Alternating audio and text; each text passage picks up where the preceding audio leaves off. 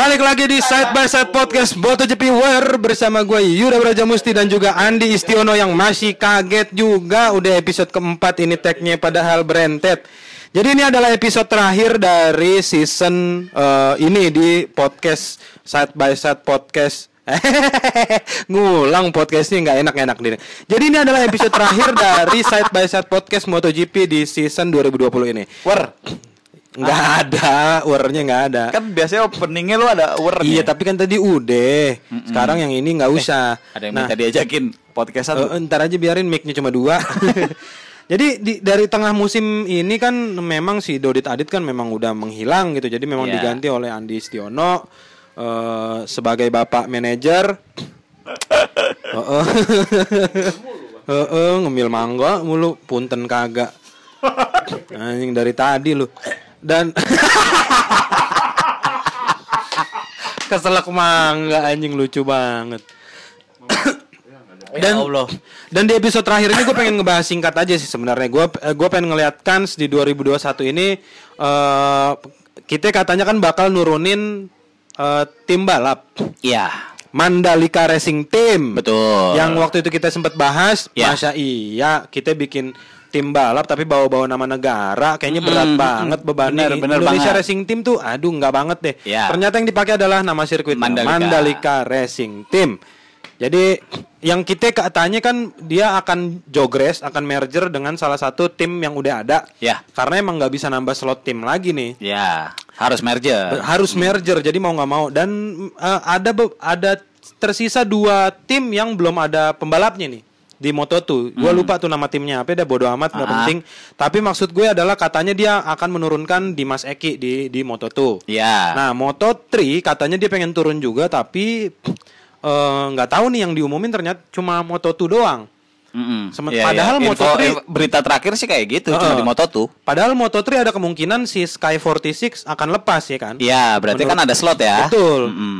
Eh, pas banget karena musim 2021 Andi Gilang turun ke Moto3. Iya. Slot pembalap Indonesia belum ada nih. Bukan slot pembalap Indonesia, pembalap Indonesia belum ada nih di Moto2. Ya.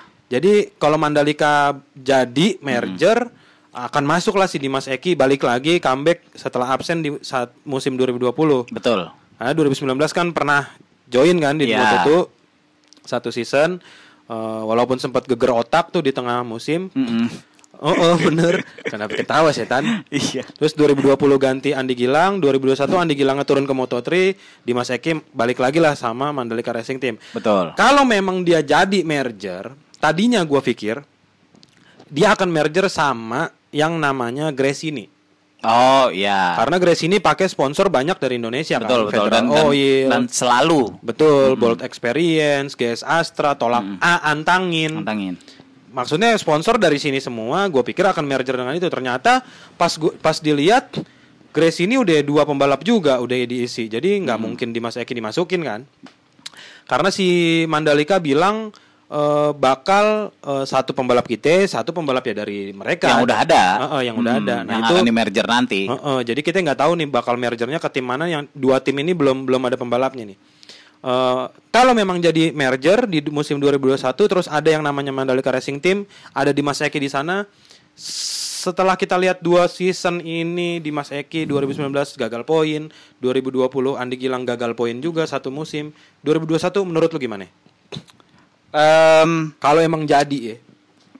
eh harusnya Andi Gilang menurut gue Woi, Dimas Eki. Oh, Dimas Eki.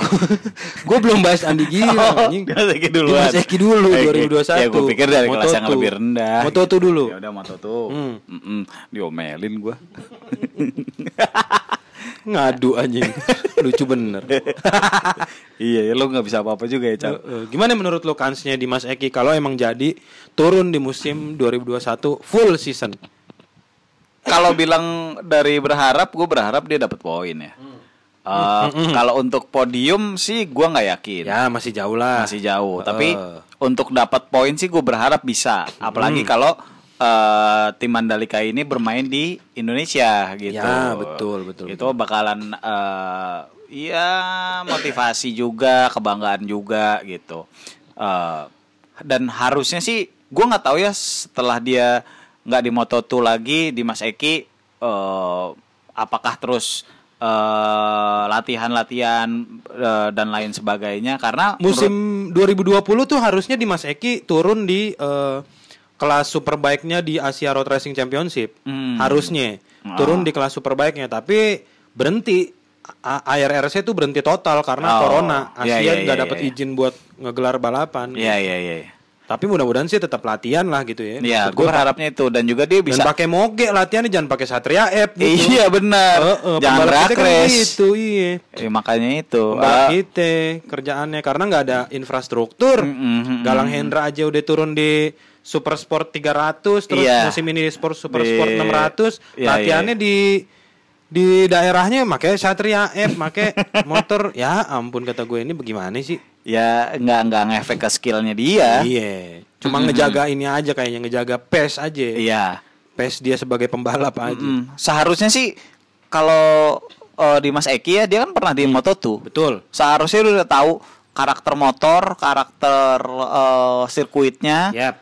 Tuh eh, harusnya bisa lebih baik dibandingkan sebelumnya. Hmm. Seharusnya. Tapi gua nggak tahu dengan entah mental, entah Hmm. memang skill dari pembalap Indonesia tuh eh, kenapa selalu eh, Bontot gitu ya. Bontot gitu. gue sih ngelihatnya di Mas Eki kalau karena gue belum kebayang Mm-mm. dia akan kayak gimana Betul. gitu. Eh, kalau harapannya sih gue at least eh, bisa dapat poin lah Yap. Gitu. Karena dalam sejarah kan yang pembalap Indonesia yang dapat poin di Moto2 baru Doni Tata. Ya. Sejauh ini di tahun 2013 dapat satu poin. Udah, Mm-mm. tok itu doang. ya. Di 2018 Dimas Eki gagal, 2019 Andi Gilang gagal. Jadi kita eh ca- 2019 Dimas Eki gagal, 2020 Andi Gilang gagal juga. Hmm. Eh, Gary Salim juga sempat satu seri kalau nggak salah Moto2 gagal juga. Ya. Eh, jadi berharap kita berharap banyak nih sama Gary Salut. salut tuh salut coklut. Aduh. Jadi kita berharap banyak sama Dimas Eki di musim 2021. Nggak berharap banyak sih, tapi me, me- me- apa namanya ya? Me- mempunyai impian kalau pembalap Indonesia paling tidak bisa dapat poin lah gitu di Iya, biar nggak MotoGP. kalah sama Hafiz Syahrin lah Betul, gitu. Hafiz Syahrin, Somkiat Cantra, Iya. dulu ada Rata Park Wilayerot yang bisa di depan. Mm-mm. Jadi maksudnya ya ayo dong bisa dong pembalap Indonesia. Iya, gitu. iya, iya. Itu Maksudnya dari- harusnya harusnya dia bisa tanpa beban ya. Yap, benar. Harusnya Menurut gitu. gue juga gitu. Jadi dia bisa motivasinya lebih tinggi, Hmm. terus ya at least bisa dapat poin lah walaupun satu juga. Ya, karena tim yang masih kosong ini juga dua-duanya ini kan nanti kan akan diumumin tanggal 9 Desember katanya. Ah. Bar- akan join sama tim yang mana karena dua tim yang masih kosong ini eh, papan tengah dua-duanya. Jadi menurut gue kayaknya Oh. kansnya agak lebih terbuka deh. Iya, iya, benar benar benar benar. Dibanding waktu eh, pakai Honda Asia itu kan. Hmm, Honda Eh, tim Asia. Hmm. eh, Honda tim Asia kan di Moto tuh ya memang di belakang gitu. Hmm. Maksudnya dibanding Moto3 yang Ai Ogura bisa di depan, Ya, hampir juara. Yuki Kunii juga bisa di depan. Di Moto tuh emang agak terbelakang nih Honda Hmm. Asia ini. Jadi kayaknya kalau emang dia jadi jogres, jadi merger sama tim papan tengah, ya oke lah bisa lah.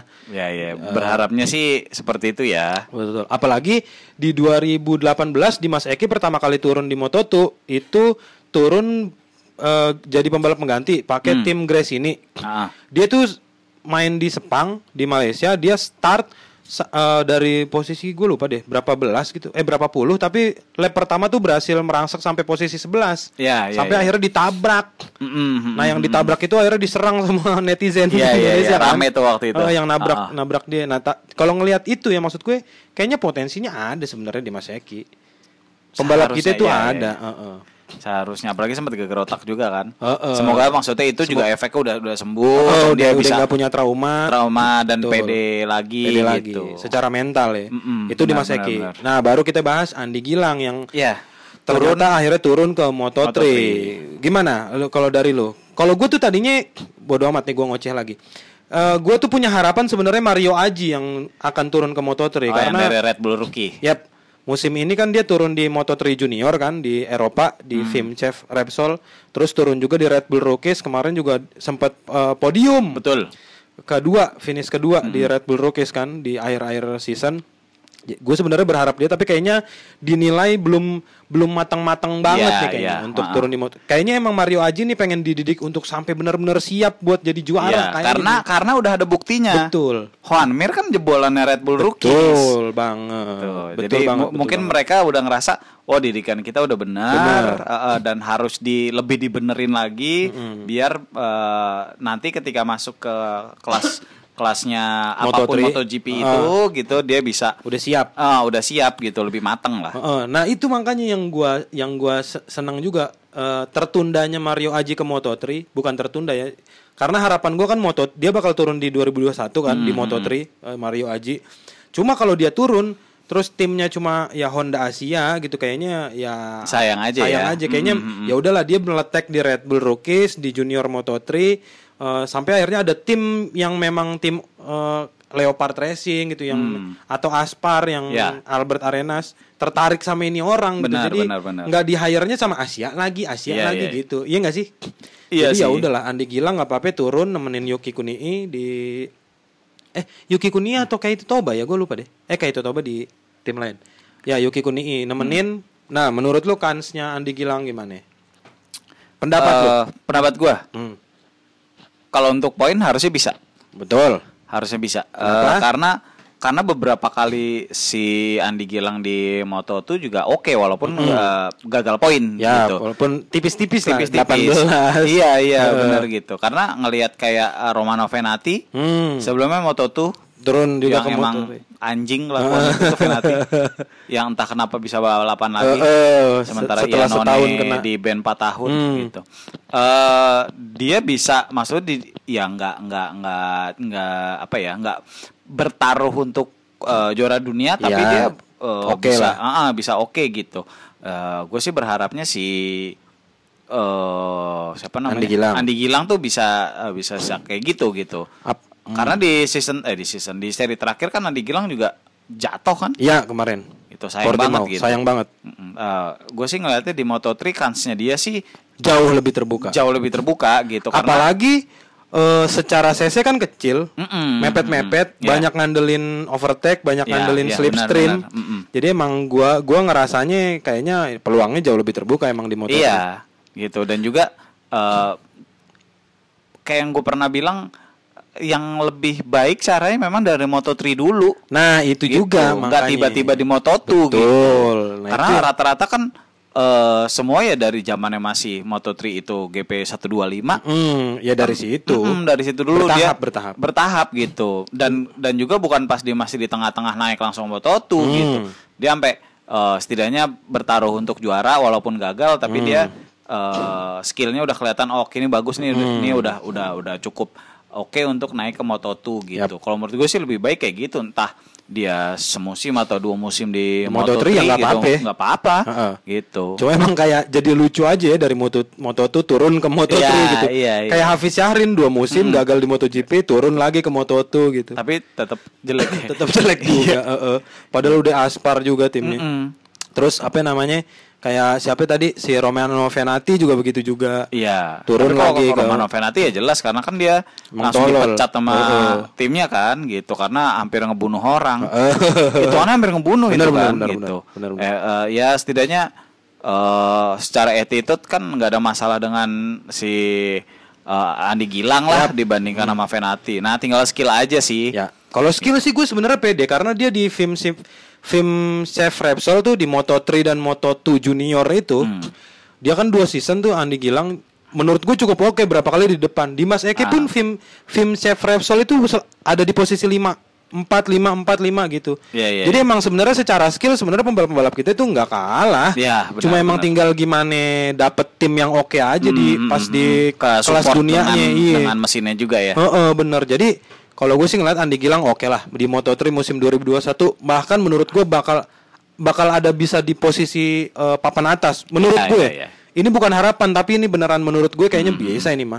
Karena dia akan pakai motornya Ai Ogura kan. Oh iya benar. Eh, Ayo Guru eh, aja bisa hampir juara kan. Bener. Benar benar benar. Jadi ya oke lah Op- kita tunggu aja pokoknya. lah ya. Optimis. Gue ada satu pertanyaan Yud. Apa tuh?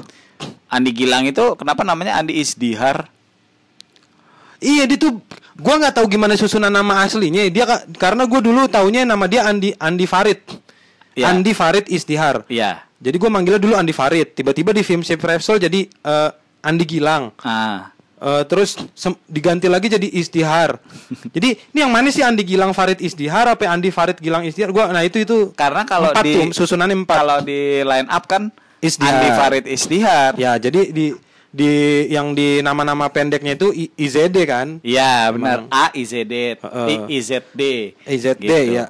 iya makanya Nah itu. itu jadi emang ya Pokoknya kita lihat aja lah di musim 2021 si Andi Gilang dan Dimas Eki bakal kayak apa performanya menurut gue kalau emang jadi merger nih Moto2 mudah-mudahan bakal berjalan eh, dengan baik sesuai impian kita semua sebagai warga Indonesia. Betul. Dimas Eki bisa dapat poin, Andi Gilang bisa bertarung di depan juga di Moto3. Yoi. Pokoknya kita nantikan aja bakal kayak apa eh, pembalap-pembalap kita di 2021. ya pembalap-pembalap kita di Moto2 dan Moto3 musim 2021. Kalau gitu terima kasih teman-teman yang udah mendengarkan Side by Side podcast MotoGP. Ahai, ini adalah episode terakhir dari season ini sampai ketemu di season 2021 teman-teman. Mungkin Yoi, nanti sampai jumpa lagi. bakal eh, tetap- sampai jumpa kan nggak berjumpa ya. sampai ketemu Sampai kedenger lagi. Iya, sampai pokoknya eh, teman-teman kalau misalnya kita ada salah-salah kata dari dari awal season mohon dimaafkan. Mm-mm. Kalau ada salah-salah kata dari Dodit Adit juga mohon Iya. jangan dimaafkan. Ah ya, karena dia melarikan diri. Karena ke dia melarikan Suriname. diri ke Suriname. Betul. Jadi kita sebel. Mm-mm. Semoga dia bisa eh, berenang dari sono ke sini. Jauh banget anjing. Ya, Dari apa-apa. Amerika Selatan. Iya kalau dia mati di jalan kan nggak ada yang nggak di jalan dong di air. Iya, di- nggak di air dong di laut. Oh iya, ya benar. Pokoknya gitu ya teman-teman. Terima kasih. Mohon dimaafkan kalau ada salah-salah kata selama satu musim ini. Mohon dibantu juga supportnya untuk di share ke ke teman-teman juga untuk Benar. musim depan. Siapa tahu kita bisa uh, collabs bareng sama uh, teman-teman kayak Lucy Wiryono, kayak Mateo, Mm, kayak kayak Valentino Rossi. Bah, siapa pun lah pokoknya kita bisa collab sama pembalap-pembalap juga karena biar bisa makin maju dunia MotoGP dan balap Indonesia pokoknya jaya terus. Side by side podcast. Gue bingung nutupnya. Oh, oh, pokoknya ya. Terima kasih teman-teman yang sudah mendengarkan selama satu season ini. Gue Yuda Braja Musti Gua Andi Istiono. pamit. Dadah. Dah.